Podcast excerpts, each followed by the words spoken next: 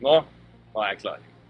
Pga. veldig mange søkere til, til, opptaket, så er det den dagen det er fysiske opptaksprøver som er gjeldende.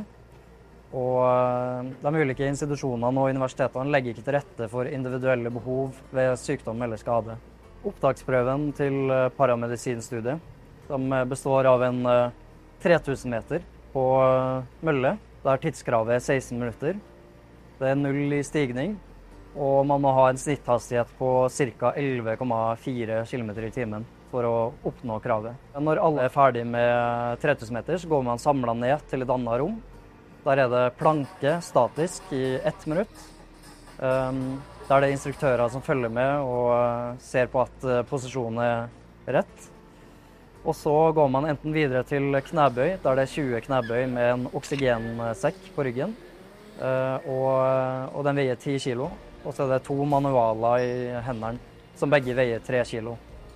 Der går man ned til 90 grader og opp igjen.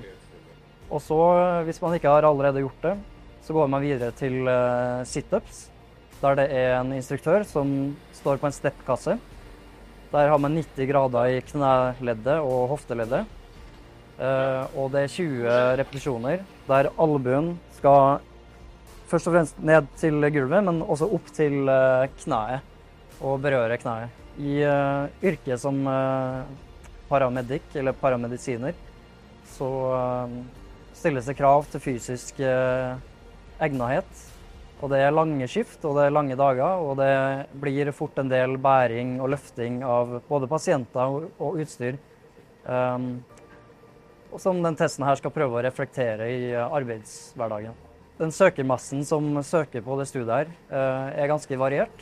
Det virker som det er nesten 50-50 mellom gutter og jenter.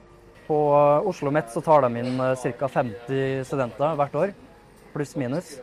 Da blir man satt sammen til én stor eh, klasse.